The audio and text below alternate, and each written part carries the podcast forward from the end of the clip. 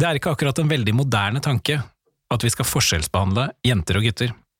Likevel, ny forskning viser oss at innenfor idretten er det kanskje ikke så smart å behandle alle likt.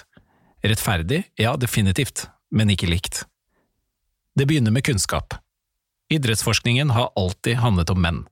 Eller, som en av våre gjester påpekte i forberedelsene til denne episoden, kunnskap i idretten er basert på forskning på voksne, hvite menn. Betyr det at vi kan ta etablerte sannheter om trening for god fisk når vi lager opplegg for jenter i puberteten? Antagelig ikke. Kan du kjøre på med det samme opplegget du selv hadde som utøver for 15–20 år siden, og tenke at det funker som en kule fortsatt, uavhengig av alder og kjønn på de du trener? Tror ikke det. Som trener for et jenter 13-lag i håndball har jeg for alvor kjent på usikkerheten ved inngangen til denne sesongen. Har jeg den nødvendige kunnskapen som skal til for å lage et opplegg som er tilpasset den gruppen jeg nå trener? For det er definitivt ikke den samme gruppen vi startet med i første klasse. Det er heller ikke den samme gruppen som i fjor, selv om ansiktene stort sett er de samme. Det skjer enormt, både med kroppen og hjernen i denne alderen. Jeg har egentlig mer enn nok med å henge med som pappa. Når det kommer til treningsopplegg for en ivrig gjeng på nesten 40 jenter på 13 år, som virkelig er tilpasset deres utvikling som gruppe og individuelt, så er jeg på tynn is. Jeg føler meg ganske trygg på at jeg har et riktig fokus i forhold til å tilpasse trening til det livet disse jentene nå lever.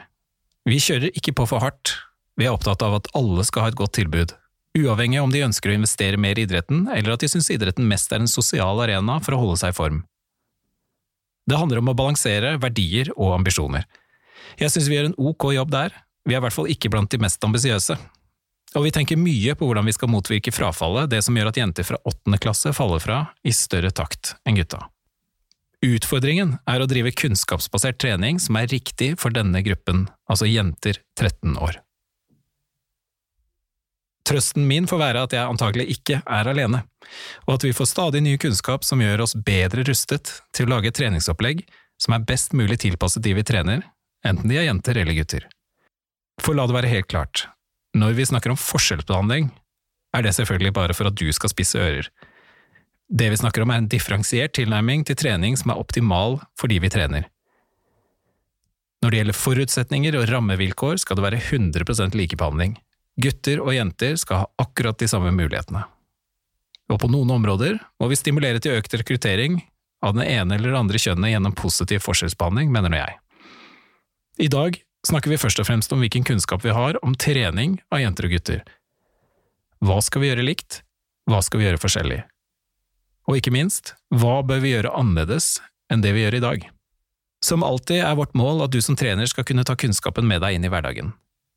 Derfor fokuserer vi i dag mindre på den medisinske og politiske siden av dette temaet, og mer på den praktiske. Altså, hvordan omsetter vi ny kunnskap til en bedre treningshverdag for våre jenter og gutter?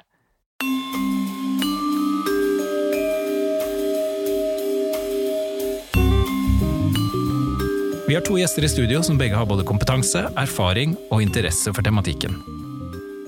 Ingvild Stensland har en fantastisk karriere bak seg som fotballspiller på norsk og internasjonalt toppnivå. Hun har vært utenlandsproff i franske Lyon og landslagskaptein med EM-sølv og deltakelse i VM og OL. I dag er hun toppspillerutvikler i Stabæk fotball og jobber for Norges toppidrettsgymnas, NTG. Øyvind Eide har vært med oss før. Han har den høyeste trenerutdanningen i fotball, Uefa Pro, og trenererfaring fra toppnivå for både kvinner og menn og han er sportsdirektør ved NTG. Ingvild, jeg har lyst til å spørre deg først som tidligere utøver. I hvilken grad har du opplevd bevissthet rundt kjønn og trening i din egen spillekarriere? Nei, det har vært veldig lite bevissthet rundt det eh, fra jeg var liten av. Nå trente jeg med og spilte med gutter fram til jeg var 17 år, men eh, det var fordi at det var et bedre tilbud for meg lokalt for å trene med gutta, og da Fikk en egen, garderobe etter hvert, eh, for det var måten treneren eh, håndterte det på. At jeg fikk skifte og dusje der, uten å egentlig si noe om det. Så um, for meg så var det litt sånn naturlig å være en del av gutta, men det er jo først når man blir eldre og voksen og kan reflektere rundt temaet, at det var veldig lite bevisstgjøring rundt, rundt det. Mm. Eh, hva tenker du at det at du har trent med gutta, hva har det betydd eh, for din eh, egen utvikling? Har du reflektert om det spesielt har påvirket den spilleren du til slutt ble? Absolutt. Jeg tror at jeg ikke hadde vært like god hvis ikke jeg hadde trent med gutta på det tidspunktet, fordi at det er nå ja, 30 år siden. Eh, minst. Eh, og da var det andre, andre tider, andre holdninger til jenter og fotball. Så heldigvis har vi vært i en positiv utvikling når vi kommer til det temaet der. Eh, så for meg var det helt avgjørende å spille med gutta. Men vil du si at det er, er likt i dag? Hvis du hadde mm, relativt like forutsetninger på begge sider, vil du si at noen av jentene fortsatt skulle trent med gutta? Ja, det kan det vært, men det, for meg så handler ikke alltid det om kjønn. Det handler litt om å finne eh, den rette flytsonen å være i, da. Og om det er å trene noen ganger med gutta, eller om det er å være på jentelaget, så kan det være individuelt eh, tilpassa, og hvordan man løser det i klubb. Før var jo det utenkelig at en jente skulle få lov å trene med gutta hvis hun altså hospitere hos gutta, men nå tror jeg at det er litt mer sånn åpent rundt det, da. At det finnes muligheter hvis det er noen som er, er bedre enn laget tilsier, at man kan få økt utfordring. Da du etter hvert begynte å trene med, med jenter, så, så, kom du også på et nivå der antagelig ferdighetsmessig var, var jevnere. Ehm, hvordan hadde trenerne da fokus på, på det at de faktisk trente jenter og ikke gutter? Nei, det Jeg tror eh, mange trenere som har trent gutter og begynner å trene jenter, tenker at det er veldig stor forskjell. Um, spesielt i tilnærmingen og i språket og uh, Man kanskje undervurderer fotballkompetansen til jentene. Det er noe jeg har kjent på opp igjennom at um, Hallo, jeg forstår fotball, og jeg har spilt fotball like lenge som de andre du har trent, så jeg vet hva du snakker om. Men samtidig så, så er det jo mange trenere som har vært typiske jentetrenere hele livet, som er vant med det. Så jeg håper etter hvert at du er fotballtrener, altså uavhengig av om du trener jente eller gutte, da. Og ikke det er en typisk jentetrener eller typisk guttetrener. Hvis du sammenligner, sammenligner, litt disse to eh, periodene hvor du trente med gutter og med jenter, hva er de største forskjellene hvis du ser på de du trente sammen med? Mm, fra et eh, hva skal jeg si, politisk perspektiv så vil jeg vel si at på guttesida så var ting tilrettelagt, og ofte hadde trenere trenerutdanning, hvis jeg skal være ærlig på det. Eh, det betyr ikke nødvendigvis at det var der jeg trivdes best, men det var kanskje der det var mest kompetanse. Eh, nå er erfaringen min litt annerledes, at det er mer kompetanse på jentesida blant trenere. Eh, så det var en forskjell, pluss det var ambisjonene kanskje hos jentene. Det var litt at gutta hadde noen gulle, et par gulrøtter å se fram imot med tippeligaspill, eh, kanskje første og andre lag junior, altså proff i England, Spania. Ehm, for meg så var det å spille på Lyngdal damelag. Ehm, så det kan hende at man mister noe, noe der, da. Ehm, mens nå er det litt annerledes. Nå kan jo jentene drømme om Barcelona, Manchester City og Lyon og Champions League og VM. Og. Så det er kult. Øyvind, hvis vi ser på, på ungdomsskolen, når de første begynner på NTG, hva slags holdninger, hvor tidlig ser man forskjellen på holdninger til det å drive med idrett blant jenter, eh, jenter og gutter? Holdninger og motivasjon? På det nivået så tror jeg at det er eh, ikke så mye som skiller angående det. Eh, nå har jo verden gått litt videre siden Stensland var, var ung, men så mulighetene for jenter å drive profesjonell idrett er jo mye større nå. Og de gulrøttene som, som Ingvild snakker om her òg, de, de, har jo jentene i større grad nå. Vi har jo nå Eh, på fotballsida f.eks. en haug av jenter som nå spiller i utlandet, i, i store klubber som ja, Vi har en Graham Hansen som skal spille Champions League-semifinale nå. og det er, det er, De begynner også å få noen forbilder, da, noen rollemodeller, og det tror jeg kanskje var noe av det som mangla uh, i Ingvild sin ungdom. da. Uh, vi vet jo det innenfor andre, andre idretter òg, at spesielt kanskje friidrett der hvor Eh, det tar en stund før, før man bryter en tidsgrense f.eks. på 1500 meter, og sånne ting, men når noen har gjort det, så ser vi at det kommer et skred med mange som gjør det. Eh, og det tror jeg det er litt sånn her, at nå begynner man å få en del rollemodeller på jentesida. Som, eh, som, de ser at det er mulig å faktisk kunne leve av idretten og bli stor innenfor idretten og bli veldig god innenfor idretten, som gjør at motivasjonen og drivkraften for jentene tror jeg er større nå enn det det var før. Mener du, Øyvind, at det er viktig at vi øker kunnskapen vår om eh, hvordan vi trener jenter og gutter forskjellig, likt, ulikt, altså den diskusjonen. Hva tenker du? På generelt grunnlag så mener jeg at alle skal trenes ulikt. Fordi det er så store forskjeller hva gjelder eh, vekstkurver og, og, mental tilstand. Eh, og vi vet jo at spesielt eh, pubertetsfasen så kommer til å skille mye eh, mellom individene, eh, men også mellom kjønnene. Og det er eh, mange forskjeller der som det er ekstremt viktig å dele kunnskap om. Uh, og det er litt sånn Bare for å ta den uh, historien veldig kort, så forrige uke så, så jeg et uh, svart-hvitt-bilde fra 1975, hvor det var bilder av kroppens utvikling gjennom puberteten, som pekte på forskjellene hva som skjer gjennom, før, under og etter puberteten. Eh, så den kunnskapen med at kroppen utvikler seg i mange faser gjennom puberteten, den har eksistert i hvert fall siden 70-tallet, kanskje før det også. Men så er det først nå de siste årene at man egentlig begynner å ta litt hensyn til det.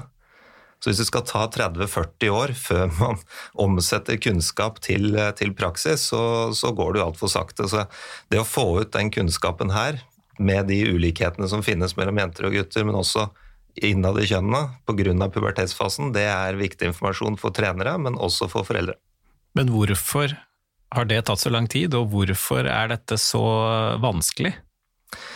Det har ikke jeg noe, noe, godt svar på, egentlig. Vi ser jo også det at idrettsforskning som ble gjort på 90-tallet med eh, mestringsorientert fokus f.eks., det tok jo 10-15 år før det kom ned på ungdomsnivå.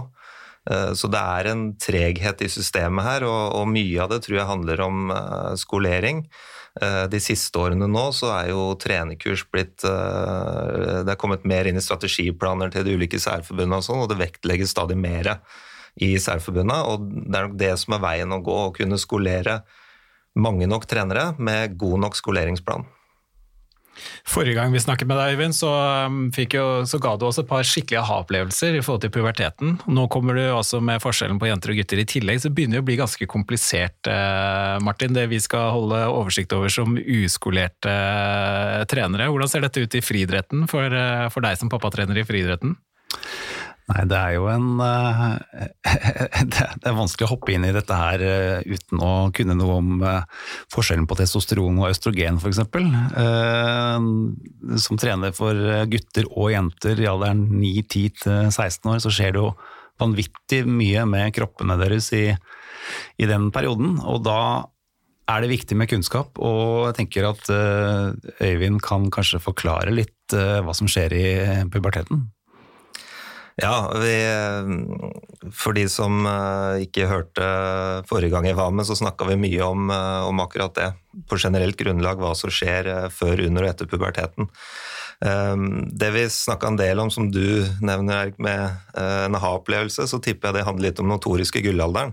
Som starter sånn omtrent i åtteårsalderen og varer til, til vekstspurten.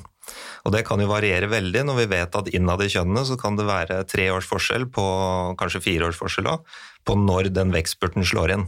Noen kan få den i 12-13-årsalderen, mens eh, vi vet jo at sånn som Luka Modric, som var verdens beste fotballspiller i 2018, han var jo veldig liten helt til han var 18 år. Eh, men det gjorde jo at eh, hans vindu for å utvikle teknikk, motorikk og koordinasjon, det var jo ekstremt lenge. Han hadde mange år hvor han kunne jobbe med det. Eh, og det har jo uten tvil gjort han til den fotballspilleren han er i dag. Men for jenter sin del eh, så er det vinduet mye kortere. For de kommer i puberteten i snitt to år før gutta. Så det betyr at det vinduet hvor eh, teknikk og koordinasjon og sånne ting kan utvikles spesielt godt, den fasen er kortere. Og det bør eh, trenere tenke på, at de kanskje må vekte treninga mer mot teknikk og motorikk. Når tyngdepunktet er lavt, nervesystemet er godt utvikla, så kan de påvirke teknikken veldig mye i den fasen. Og det kan være da kanskje bare fra 8 til 12, 11-12 år, kanskje, når jentene begynner sin eh, pubertetsfase. Uh, før det, uh, før pubertetsfasen, så vet vi at jenter er jo tidlig utvikla. Allerede fra fødselen av så er de jo seks uker mer utvikla biologisk enn en guttene. Uh, nå leste jeg en undersøkelse nå blant uh, eh, 7500 barn i femårsalderen, der hvor de målte skrive- og leseegenskaper, hvor jenter Fem av ti jenter de kan skrive allerede når de er fem år, mens bare litt over 20% av guttene gjør det. Og så kommer jenter i tillegg to år før i puberteten enn gutta. Så før pubertet så kan de trene ganske likt. Det er eh, omtrent samme kroppssammensetning, omtrent like sterke, like raske. Eh, så der trenger de ikke å skille noe spesielt, men ha et godt øye på det her med motorikken og koordinasjonen og sånn, spesielt mellom 8- og 12-årsfasen. Den tror jeg er ekstremt viktig for, for jentene å få med seg. Men nå snakker du om, eh, om puberteten og, og, hvilken alder den kommer i, men der er det jo også selvfølgelig individuelle forskjeller store. Er de like store på, blant jentene som blant gutta? Eh, det er ikke like stor variasjon, men det kan variere helt opp til to-tre år der også. Eh, og det er viktig å følge med på vekstfasene her. Vi må måle utøverne våre, enten som foreldre eller som, som trenere, for å kunne treffe på de riktige treningsmetodene underveis. Og det vi tenker på da, det er jo at i den vekstfasen så er det ulike vinduer som er gunstig for påvirkning av ulike egenskaper. Vi kaller det sensitive perioder. Um, og det med teknikkutvikling, det er jo én uh, sensitiv uh, periode. Men når man da kommer inn i selve vekstfasen, så er det andre ting som slår inn. F.eks. så er utholdenhet gunstig å trene når de kommer inn i uh, etter hvert vekstspurten der, da, når de vokser mye, for da vokser jo også lungene samtidig, og vi kan påvirke de Eh, gunstig i den fasen. Eh, styrketrening f.eks. har jo jentene en fordel, der hvor de ved første menstruasjon kan trene styrke. Det er liksom deres absolutte signal for at nå kan de begynne med det. For gutta sin del så er det litt vanskeligere. Eh, der må man vente mange måneder, kanskje 12-18 måneder etter vekstspurten, for å være sikre på at kroppen er klar. Eh, så der har jentene en liten fordel i forhold til, i forhold til styrketrening. Hvordan måler vi vekstspurt? Altså, hva, hvordan angriper vi det der? Da må du måle rett og slett på vanlig metode, at du stiller deg inntil veggen og måler hvor, hvor, høy du er der. Eh, så kan du også måle når du sitter, for da måler du selve ryggraden. Eh, og så kan man måle med armene rett ut, sånn at du måler fra langfinger til langfinger eh, på hver sin side. Og det er vel armene og hendene som begynner å vokse først. Eh, så når de begynner å, å dra på seg litt, så ser vi at de begynner å angripe pubertetsfasen. Og, og hva er en spurt? Hvor fort går det da? Da, da går det Hva kan det være? Det kan jo være fem-seks centimeter eh, over bare noen få måneder. Altså en, eh, den går det ikke an å gå glipp av, den eh, merker man. Det er en veldig kort fase på noen få måneder, hvor det blir alt fra 5 til 10-11 cm på de månedene. Har man én sånn vekstspurt, eller kommer det flere? Den, det er én fase hvor ja. den kommer. Og mm. når den er, eh, har gjort jobben sin, da er det ikke så mye mer igjen.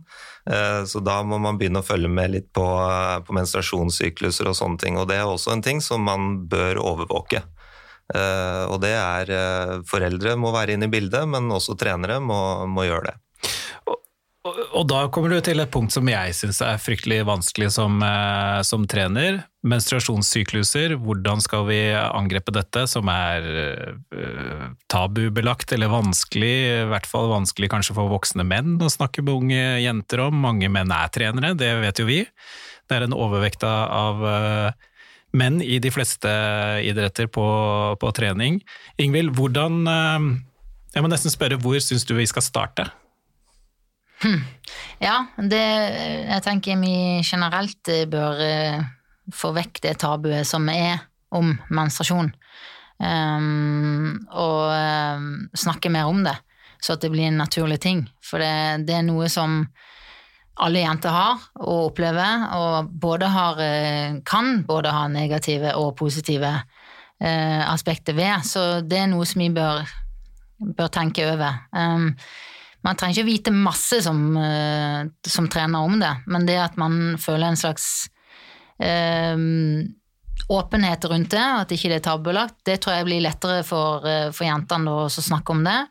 Uh, og hvis man kan øke kunnskapen om det, eh, rent medisinsk, og hvordan det påvirker prestasjon og eh, hva skal jeg si, selvfølelse, for det kan det jo, eh, påvirke oss mentalt, så tror jeg det, det kan legge mer til rette for at jenter kan prestere optimalt mens de har menstruasjon.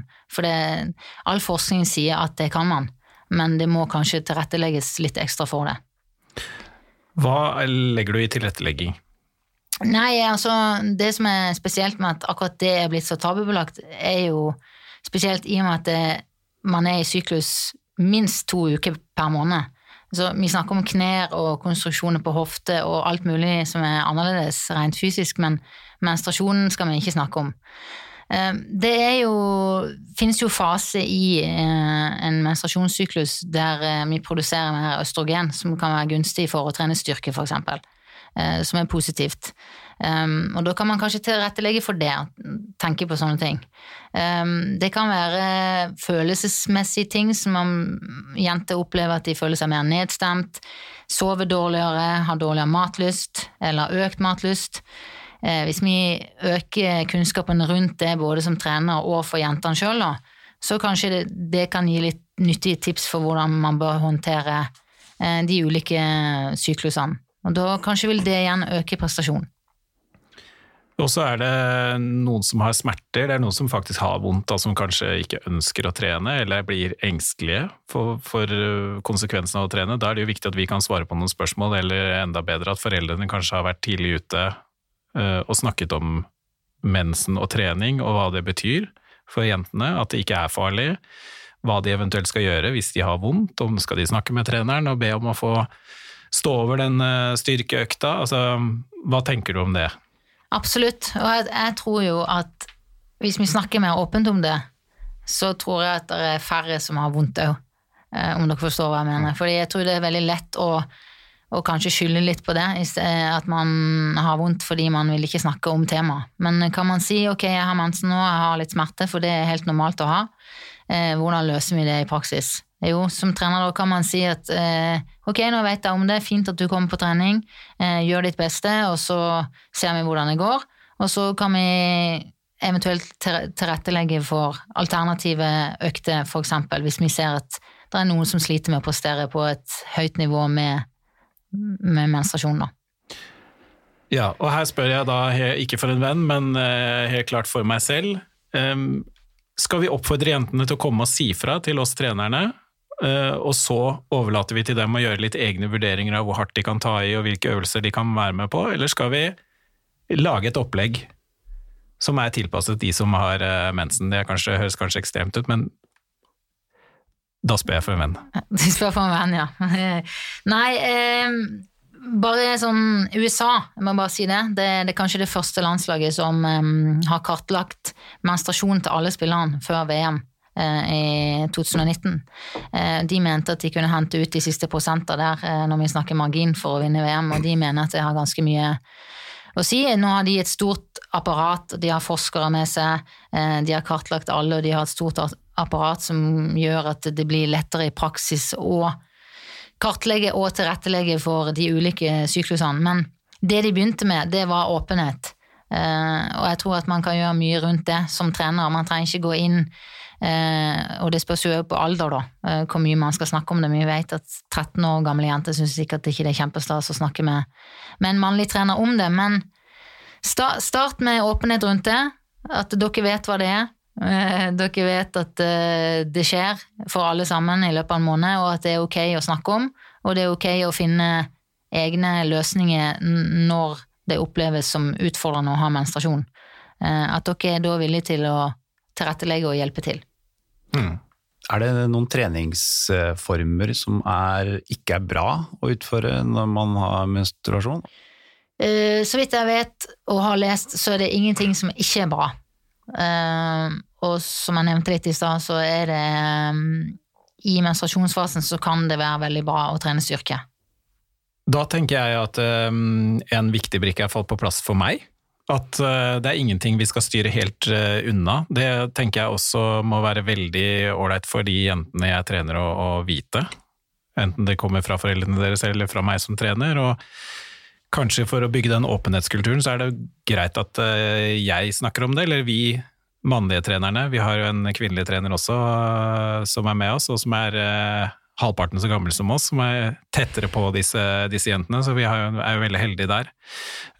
Øyvind, menstruasjon er én del av en triade som det er blitt fokus på.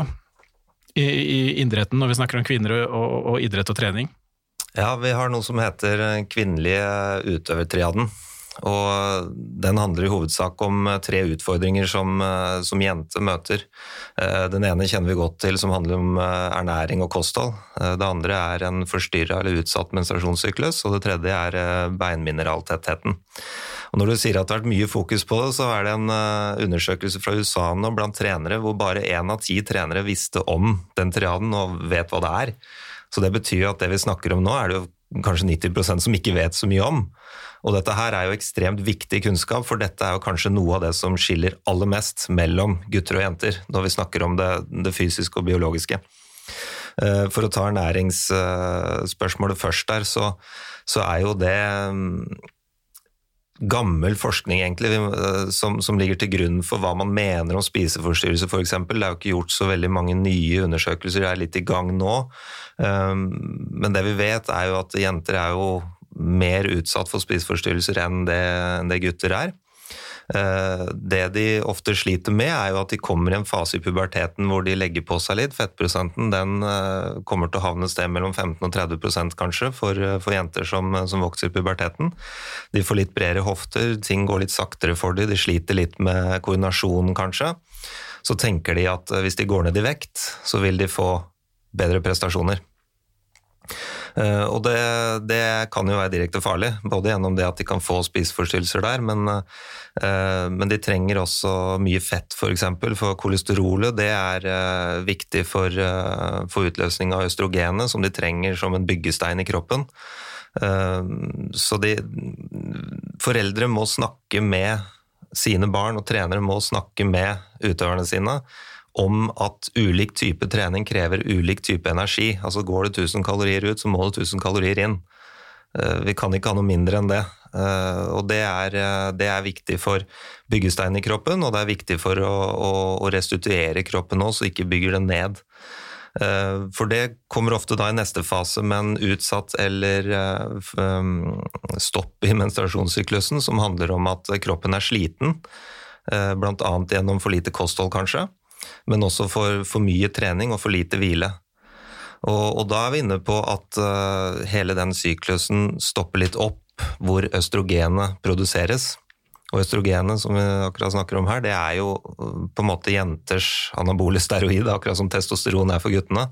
Uh, så det trenger de for å bygge kroppen stor og sterk, og de trenger østrogenet for å bygge beinmineraltettheten sterkere. Eh, jenter som trener, vet vi at i voksen alder har sterke, sunne, friske, gode beinstrukturer. Eh, men hvis de blir utsatt for perioder i ungdommen hvor østrogen ikke får lov til å være med å påvirke den benmineraltettheten, så kan de slite med osteoporose i eldre alder, og de vil få en del tretthetsbrudd mens de holder på med idretten sin. Så disse tingene her, de, de henger sammen, og alle som trener Jenter kommer mest sannsynlig til å møte på noe av det her. Eh, det er helt opp til 15% som har, kan slite med alle tre. Eh, det er nesten en fjerdedel som kan slite med to av de, og helt opp mot 60% kan være innom én av de. Så trener du en gruppe på 10-20 jenteutøvere i pubertetsalder, så kommer det til å være en, minst en håndfull som er innom den triaden her. Og Hvordan eh, identifiserer vi det? Altså Hvordan ser vi den problemstillingen der? Symptomer på det er jo vekttap, utsatt menstruasjon, eh, dårlig konsentrasjon, eh, frekvens på skader. Og det er viktig, det er to ting som er ekstremt viktig. Det er ikke hoppe over måltider. Sørge for at de spiser kanskje i forbindelse med trening òg. At de har med seg noe frukt på trening f.eks. Tar noe med en gang trening er ferdig. Eh, og det andre er at de må, de må overvåke menstruasjonssyklusen.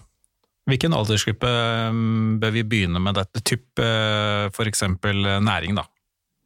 Og, og, og, spise litt, f.eks. hvis du trener halvannen time, da. Det er uh, den fasen når de går over fra barnetrening til ungdomstrening, som er primært sånn 12-13-årsalderen, kanskje. Uh, og da er det jo også på vei inn i pubertetsfasen og er mest sårbare i forhold til skader også fordi kroppen vokser og da trenger de enda mer næring. Så det er klart, mens kroppen vokser og du kanskje trener hardt, så trenger kroppen enda mer, enda mer næring. Så det er, det er, kanskje den viktigste fasen der.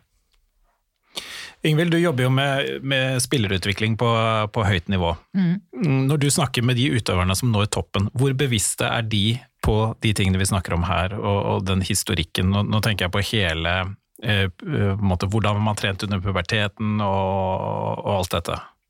Jeg tror ikke vi er bevisste nok eh, rundt det. Og nå når jeg hører Øyvind Øe sitte og legge fram alle fakta her, så tenker jeg jo òg at det kunne vært pensum i skolen. Eh, for at jeg sitter her og tenker fader, hvis jeg hadde visst alt dette når jeg var ung, da hadde det jo vært eh, enda bedre, om mulig, da. Men nei da. Men eh, det er, det er viktig kunnskap som gjelder kroppen vår og egen utvikling. Og du ser så mange jenter som og gutter for den saks skyld, som bruker så mye tid av livet sitt på, på å satse på en drøm.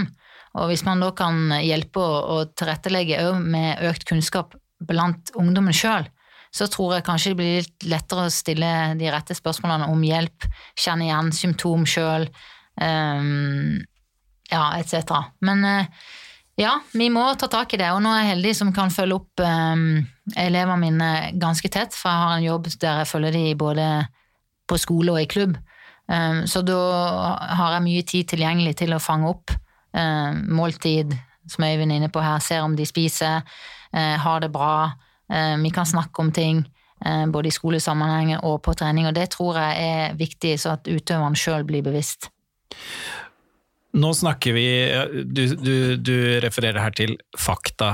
Um, en, dette er kunnskapsbasert, det som Øyvind snakker om her nå. Så har vi en helt annen dimensjon av dette i forhold til trenere, og det er atferd, holdninger. Jeg, tenker på um, slengbemerkninger, eller altså flåsete eh, uttrykk som, eh, som vi skal, eh, skal, styre unna, hvor sårbare kanskje særlig jenter er i den alderen for en flåsete bemerkning i forhold til kropp.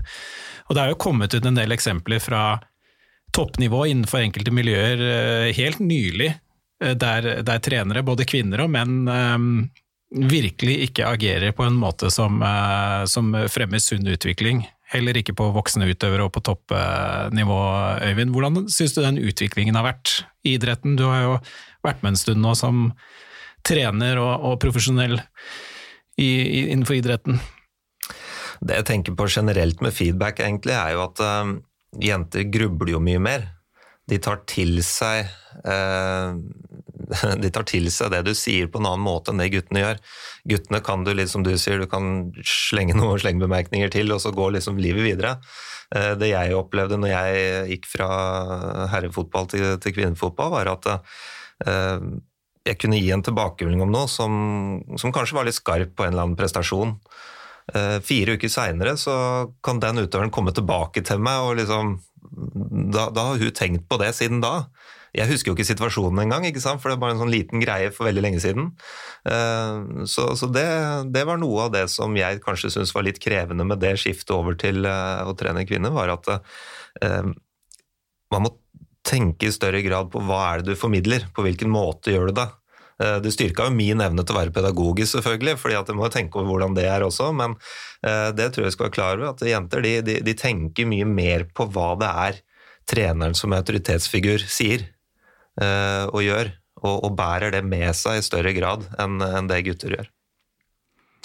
Um, Martin, du har også sett på friidretten, som kanskje er litt spesiell i forhold til dette med utvikling, hvor raskt utviklingen går når man kommer i puberteten. Altså, um, nå snakker vi om å i gåseøyne prestere. Uh, du har jo sagt mange ganger at friidrett er det mest målbare som fins, og dermed blir jo også ulik utvikling veldig, veldig synlig. Hva skjer med jenter og gutter der fram til puberteten og etter puberteten? Nei, det vi ser er jo at uh, jenter og gutter har temmelig lik utvikling uh, frem til puberteten. Uh, den kurven, prestasjonskurven den er ganske lik, og så kommer man i puberteten. og så kan, Når testosteronet inntreffer hos gutter, så er det nærmest som at de, de trenger omtrent ikke trene. den bare Muskelmassen øker, og man blir raskere, man blir sterkere, man blir større. Mens hos eh, jentene så ser man nesten det motsatte, at eh, kurven flater veldig ut. og eh, Hvis man ser på hopp og, og løpsøvelser innenfor friidretten, så er det vel fra elleve år til man er senior hos gutter, så forbedrer man seg i snitt 50% på hoppøvelser og 25% på løpsøvelser når man er gutt. Og tar man den samme kurven hos jenter, så er det en forbedring på 25% i hoppøvelser og 15% i løpsøvelser, som jo peker på noen tall som viser at motivasjonen hos jenter når den kurven flater ut, eh, er et viktig tema å ta opp. Og hvordan skal vi snakke med jenter om det, hvor de plutselig merker det, at tidene fra i fjor er de samme som de er i år, samme som de er neste år? En ting som jeg tror er viktig der, det er å, å, å snakke mye om hva slags kroppslig utvikling som skjer. Eh, for det vi husker på her, da, det er at gutter, når de får testosteron, så blir de bare mer av det de allerede er. Altså De blir litt lengre, de blir raskere, blir sterkere. altså De blir bare mer og øker. Uh, mens jentene de, de, har jo brukt hele livet fram til de er 12-13 uh, eh, på å tilvenne seg den kroppen de hadde da, og så går de i puberteten og så får de nesten en ny kropp. For de øker veldig fettprosent, de får bredere hofter osv. Altså, kroppen forandrer seg veldig, da. så de må jo bruke tid på nesten å lære å bevege seg igjen med en ny kropp. Eh, og det tror jeg er litt viktig å få fram den forskjellen for dem. At eh, ja, det her er det som skjer med gutter. De, de får egentlig bare et eh, hestedop som gjør at alt kommer til å gå fortere. Mens for deres del så, så, er det på en måte en kvinnekropp nå som fra naturens side er lagd for reproduksjon, på en måte, som, som da trer inn i bildet for dem. Uh, og det å skape en bevissthet rundt det, da, og, og, snakke om det, at det her kommer til å ta tid, men nå må vi trene på andre typer ting, teknikk, motorikk, for å lære seg igjen. og Eh, og behandle den nye kroppen riktig, så den ikke blir skadeutsatt f.eks. Hvis du fortsetter bare på samme måte, så kommer du til å bli skadet fordi kroppen slites på en annen måte enn det den har gjort før.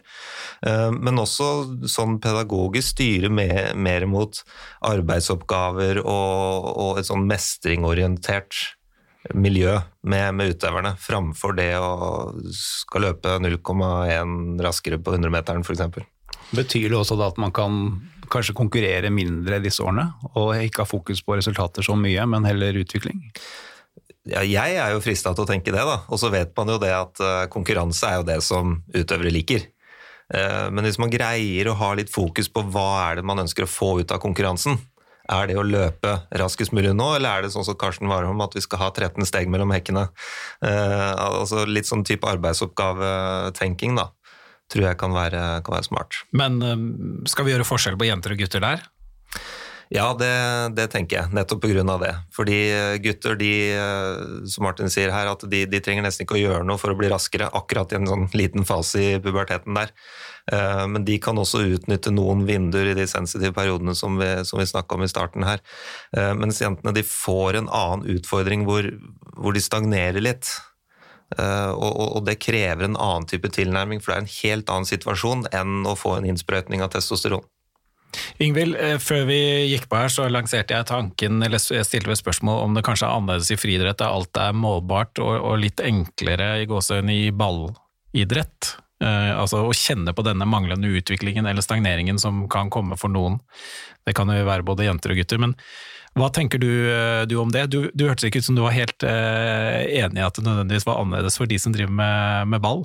Nei, det er klart i en sånn enkeltidrett der eh, teknikk har mye å si, så er det kanskje veldig synlig, eller fart uh, og spenst. Sånn sett. Fotball er jo en kompleks idrett, så jeg tror nok at veldig mange jenter føler på det samme, men det blir ikke like synlig, fordi du kan ha noen egenskaper som fortsatt er veldig bra og veldig godt utvikla, som f.eks. de mentale ferdighetene og ikke minst taktiske ferdigheter, som gjør at du kan fortsatt prestere selv om du har en litt annerledes kropp. Um, og I tillegg har du ti medspillere som også kan hjelpe deg på dårlige dager og dårlige perioder. Men um, ja, de er absolutt til stede der, man, og man kan også se det som trener at tekniske spillere kan plutselig bli litt mindre tekniske når de er i, en vekstperiode der de òg har vokst ganske mye. I, I, det siste så har jeg et inntrykk av at man uh, diskuterer mer både i forhold til vekstspurter og, altså, og variere treningsmengde, at det kanskje er like hensiktsmessig å trene like mye i alle perioder, at uh, utvikling ikke er sånn lineært sammenhengende med, med treningsmengde nødvendigvis, som man har trodd. Jeg hørte om noen trenere i, i vårt nabolag som hadde besøk av, eh, av trenere fra Ajax akademi, og de var jo helt sjokkert, for, eh, for der eh, i vekstspurt så trente de jo nesten ikke i det hele tatt. Det er mulig dette var satt litt på spissen, da, men det var iallfall kraftig redusert treningsmengde for 13-14 år gamle gutter og, og, og, og jenter som Det hørtes ut som det var helt nytt for disse trenerne som var på kurs. Ja, og det er litt som jeg prøvde å si med den svart-hvitt-tegninga jeg så eh, forrige uke her òg, med en oversikt over eh, pubertetsfasen fra 70-tallet. Og det er klart at eh, vi vet i Spania òg, så, så, kan de jo parkere spillere i flere uker hvis de er i, er i den vekst, vekstspurten der. For du er jo ekstremt mottagelig for skader i en sånn type fase, og det kan også være langvarige skader. Man trenger nok ikke å trene noe mindre, det bare kommer an på hva du trener. For intensiteten og innhold kan jo variere veldig, og jeg tror variasjon er jo nøkkelen her. Å ikke ha ensidig belastning, det vil ofte være, være krevende for en, en, kropp som er i vekst.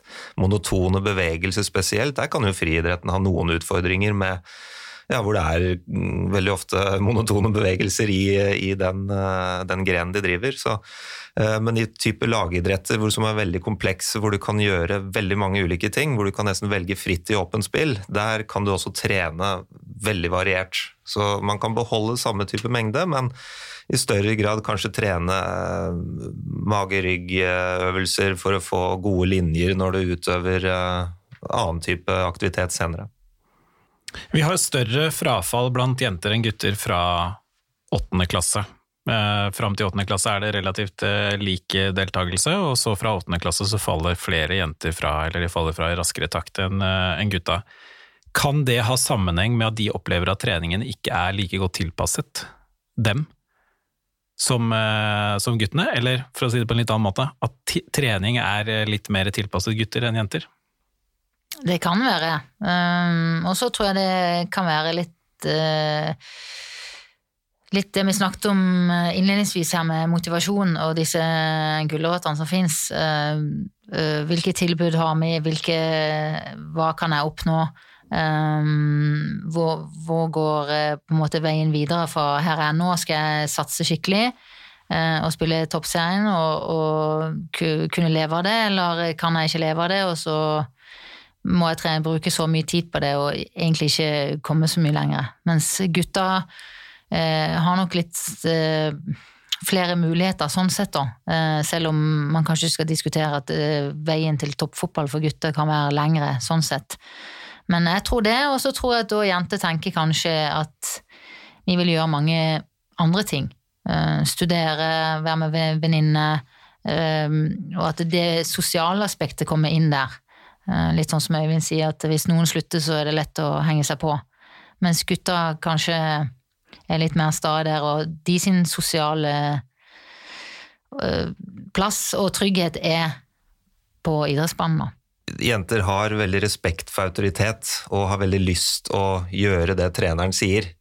Uh, og for de som ikke er de absolutte beste, nå var jeg heldig, da, hadde sånn som Stensland og Nada Hegerberg og, og, og sånne som, i aller høyeste grad var selvstendige og gjorde gode valg på banen, men vi hadde også de som ikke var på helt det nivået, og de var veldig opptatt av å gjøre det som jeg sa. Og så gjorde de det i nesten hver situasjon de møtte, inntil de fikk en annen beskjed. Og Det er litt sånn misforstått lojalitet, men jeg tror det er en sånn ærgjerrighet hos jenter da, som gjør at det går på bekostning av kreativiteten og selvstendigheten. Så det tror jeg også trenere må være litt bevisst på, at de ikke bare ser at det her er en gruppe som følger det jeg sier og er fornøyd med det, men at de greier å stimulere til egen tenking. Skape selvstendighet, stille åpne spørsmål og litt som du sier også, skape åpne aktiviteter hvor de til enhver tid må velge sjøl løsninger. Eh, men den metodikken eller den pedagogikken som, eh, som treneren må ha, tror jeg de må gå bort fra instruksjon og i større grad stille åpne spørsmål. Marit Breivik gjorde noe veldig bra der hvor hun Eh, fikk jentene på landslaget til å coache hverandre. Hvor treneren går ut av situasjonen, og så er det jentene sjøl som må mene noe om hva som skjer, og gjøre grep i kamper. altså Hun satte seg på tribunen også. Og det tror jeg er eh, virkemidler som er gunstig for å, for å få jentene til å trekke seg litt bort fra det derre eh, eh, blidgjøre treneren, til å bruke den samme energien til å være selvstendig. Det tror jeg er et, et godt poeng. Vi vet jo at det er flest menn som er uh, trenere. Det er vel egentlig gjennom, uh, med noen unntak, gjennom alle idretter og gjennom alle aldre og alle nivåer, så er det en overrepresentasjon uh, av menn. Hva skal vi gjøre for å rekruttere flere kvinner? Eller vi kan starte med, er det viktig? Er det viktig at vi har flere kvinnelige trenere, eller er det greit sånn som det er? Jeg syns det er viktig at de som vil og har et ønske om å være trener, kjenner at den muligheten ligger åpen for de. Uh, og vi trenger kvinnelige trenere, for det, det er forskjeller på mann og kvinne. Uh, og hva gjelder egenskaper. Så uh, kvinnelige trenere trengs absolutt, og da må vi legge forholdene til rette. Um, jeg må bare si det, nå er jeg veileder for et kvinnelig UFAB-kurs mm, som går nå. som er et nytt prøveprosjekt fra Fotballforbundet for å få flere kvinnelige trenere til å ta utdanning. Og det er et veldig bra Eh, et veldig bra tiltak, vil jeg si, eh, der flere søker. Så får vi se om, om veien, hvor, hvordan de velger det, men da øker man kompetansen. Og får de kanskje til å holde på lenger. Og jeg har jo tro på mangfold, eh, og det handler litt om at hvis det bare er menn i et støtteapparat, så får du i hermetegn bare mannlige ideer. Kvinner har jo en annen referansebakgrunn, de tenker kanskje litt annerledes kan bli ved problemet lenger kanskje enn det en del menn kan være. Eh, så, så, da får du et helt annet type sett med spørsmål og ideer inn i det. Eh, og det vil det være med de med flerkulturell bakgrunn òg, som har helt andre referanser enn det, enn det vi har her. Så eh, jeg har veldig tro på det å invitere inn mangfoldet, rett og slett, i, i et støtteapparat. Ingvild, helt til slutt, før vi, før vi gir oss. Hva er ditt eh, viktigste råd til spesifikt eh, de som skal trene jenter når vi kommer inn i puberteten? Jeg tror at eh, de som skal være trenere, bør legge vekk alt som tenkes kan være kleint. Jeg tror det er bedre å snakke for mye om ting enn for lite. Og så tror jeg man må bare være forberedt på at man kan oppleves som litt sånn dum og teit og mann på 50. Eh, fordi det er man eh, når jenter er i puberteten. Eh, og så fortsette å stå på, vise at dere er der, og så, som sagt, stimulere de. Og ikke tenke at det er jenter på den biten, for der er vi vel så opplagte på på hva gjelder teknikk og taktiske ting i fotball. Der vil vi bli utfordra. Men stå i det og holde ut. Tusen takk.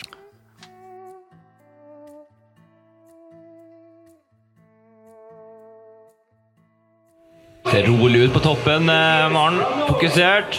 Ja da! Så blir det 110 meter, og da deler vi ut OL-gullet! Ja, det gjør vi vel! Jeg heter da Maren Lundby. Jeg er um, snart 26 år. Jeg er um, hopp på ski. Jeg driver med det siden jeg var uh, tre år, og har klart å bli olympisk mester og verdensmester nå de siste åra. I barneårene hadde Maren stor fremgang hvert eneste år. Men da hun kom i puberteten, opplevde hun det som mange andre jenter i denne alderen erfarer. Resultatene uteble. Hun gikk opp i vekt og hoppet ikke lenger bakken ned. Plutselig var det ikke like gøy å hoppe på ski. Redningen ble erfarne trenere som hadde sett dette mange ganger før. De fokuserte på arbeidsoppgaver og utvikling, ikke resultater. Det førte til at Maren ikke ga opp. I dag er hun vår beste kvinnelige skihopper gjennom tidene. Riktig trening i puberteten ble avgjørende for karrieren.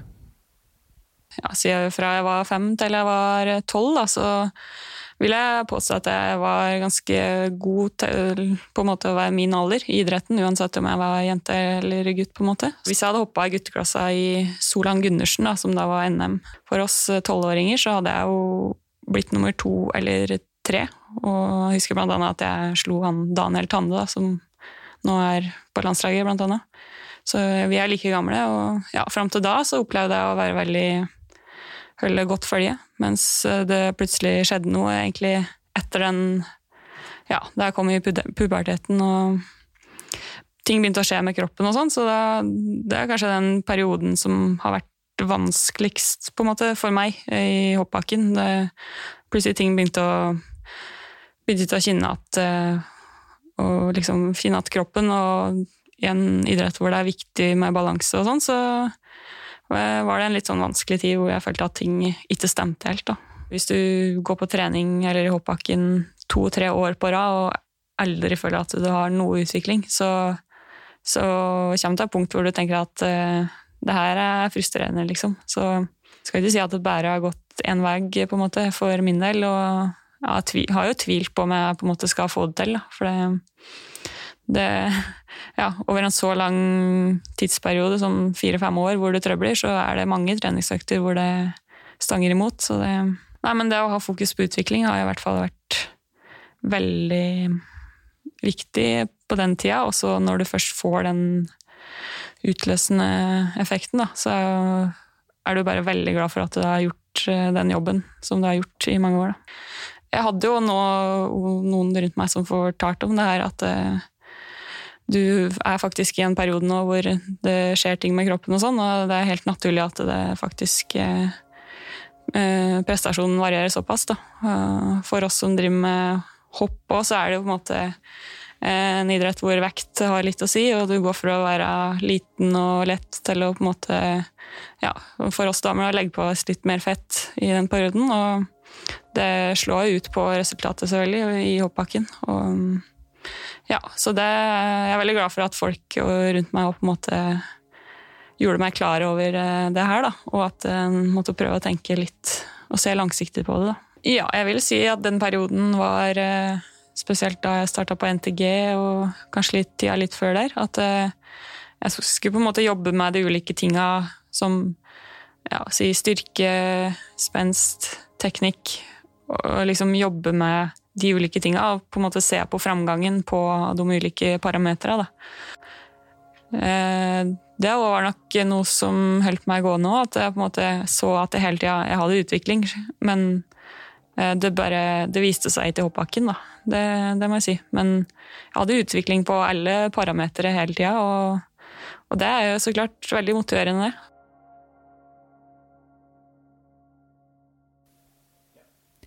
Vi er stolte av å kunne presentere vår nye samarbeidspartner Norsk Tipping, som gjør det mulig for oss å fortsette arbeidet med denne podkasten. Sammen skal vi videreutvikle Norsk Tippings grasrottrenerkonsept, der målet er å få flere voksne trenere og rollemodeller inn i idretten. Preben Stai er ansvarlig for grasrottrenerkonseptet, og forteller litt mer om vårt samarbeid.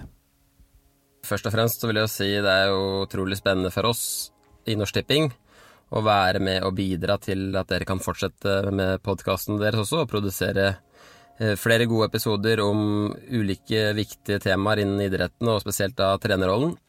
Samarbeidet mellom Norsk Tipping og, og mamma-pappa-trenerne handler jo om å være med og sette fokus på de ulike problemstillingene som er i, i trenerhverdagen i barneidretten. Det å være med og sette fokus på å snakke om trenerrollen og løfte anerkjennelsen, statusen, stoltheten over det å være trener, og, og, og forhåpentligvis være med å bidra til at flere har lyst til å bli trener i barneidretten, og at vi får flere og bedre trenere i barneidretten. Det er ikke alle som kjenner til grasrottrenerkonseptet. Kan ikke du fortelle litt hva det er? Uh, absolutt. Ja, det å være en grasrottrener, det er jo rett og slett å være en trener i barneidretten. Og, så definerer vi Norsk Tipping grasrottrener som en som har tatt en kompetanse gjennom et, særforbund.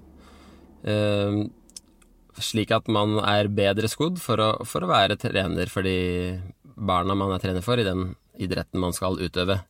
Eh, for Norsk Tipping sin del og fokuset på grasrottrener handler om å være med Det handler om to ting. Det handler om å være med å øke kompetansen. Og så handler det om å være med å øke anerkjennelsen, statusen, stoltheten og engasjementet rundt trenerrollen. Og Får vi til de to tingene, så tror vi, at vi får flere og bedre trenere, og det er det som trengs for å uh, være med å kunne redusere frafall i idretten, og forhåpentligvis også øke rekruttering til eh, idretten. Kan du fortelle litt om målsetningen til Norsk Tipping med grasrottrenerkonseptet? En grasrottrener handler om samfunnsansvar, og det samfunnsansvaret Norsk Tipping tar utover det som er eh, kall forventa av oss. Fordi vi mener vi har en viktig, riktig og en, en troverdig rolle overfor trenerne eh, koblingen mellom overskudd som går tilbake til samfunnet, og mye av disse pengene som går tilbake til idrettsanlegg, så er det viktig for oss at den aktiviteten som skjer på disse anleggene er så god som mulig. Ikke sant? Og da er det jo klubbene og de frivillige trenerne som bidrar til dette her. Så da er det viktig at vi har så gode trenere som mulig. Så vår målsetning sammen er jo da å få flere foreldre til å skaffe seg trenerkompetanse. For idretten sin del så er det jo utrolig viktig med mange og gode trenere for å redusere frafallet og øke rekrutteringen i idretten. For det er ganske lite som skal til. Og alle har noe å bidra med, så det handler om å være med og bidra til at flere både kan og vil ta grasrottrenerkurs, eller ta trenerkurs gjennom eh, særforbundet. Så sammen med partnerne våre og dere, så ønsker vi flere og bedre trenere med god kompetanse, som skal føle seg trygge i sine roller. Eh, vi ønsker å være med å heve statusen, anerkjennelsen og den stoltheten det bør gi å være trener. Eh, sammen med dere så ønsker vi å være med å sette fokus på de ulike problemstillingene som er i trenerhverdagen, og bidra til at disse blir diskutert i Idretts-Norge. For det er jo nesten et samfunnsansvar seg sjøl å bidra til at dere kan produsere flere gode podkaster om ulike temaer innen idretten, og spesielt da rundt trenerrollen. For vi føler jo at dere har virkelig klart å sette agendaen og ta opp de tingene som for mange er kanskje vanskelig å ta opp, eller ting man ikke har reflektert over selv. Så vi er stolte over å kunne være med og bidra til det her så gleder vi oss stort til å sammen forsøke å finne ut hvilke aktiviteter og tiltak som vil kunne sikre flere og bedre trenere, og enda større engasjement rundt eh, trenerrollen. Flott. Og i forbindelse med det samarbeidet vårt, eh, Preben, så har vi jo snakket om å publisere en undersøkelse på våre Facebook-sider, mamma- og pappatrenerne. Kan ikke du fortelle litt mer om akkurat det? Ja, fordi vi ønsker å være med, som jeg har nevnt tidligere, å øke både kompetansen på trenere, men også engasjementet og det å få flere til å være med. Eh, men vi kjenner jo ikke til alle utfordringene som er i trenerhverdagen. Hva er det folk kjenner på? Så derfor så ønsker vi å få innsikt i trenerrollen. Hva er det Norsk Tipping da sammen med denne podkasten her og samarbeidspartnerne våre, det, hvilke tiltak er det vi kan gjøre for å få med flere trenere? Hva er det som vi kan gjøre for å øke engasjementet eller hva slags kompetanse er det man føler at man kanskje ikke får da, gjennom de kursene som er i dag. Så vi oppfordrer jo alle til å svare på den undersøkelsen som vi kommer til å legge ut på Facebook-gruppa sammen med dere. Det vil jo gi oss god innsikt i, i hva, hva, slags utfordringer som er i trenerhverdagen, og så håper vi at det kan kanskje være innsikt til, til nye diskusjoner i fremtidige podkastepisoder også.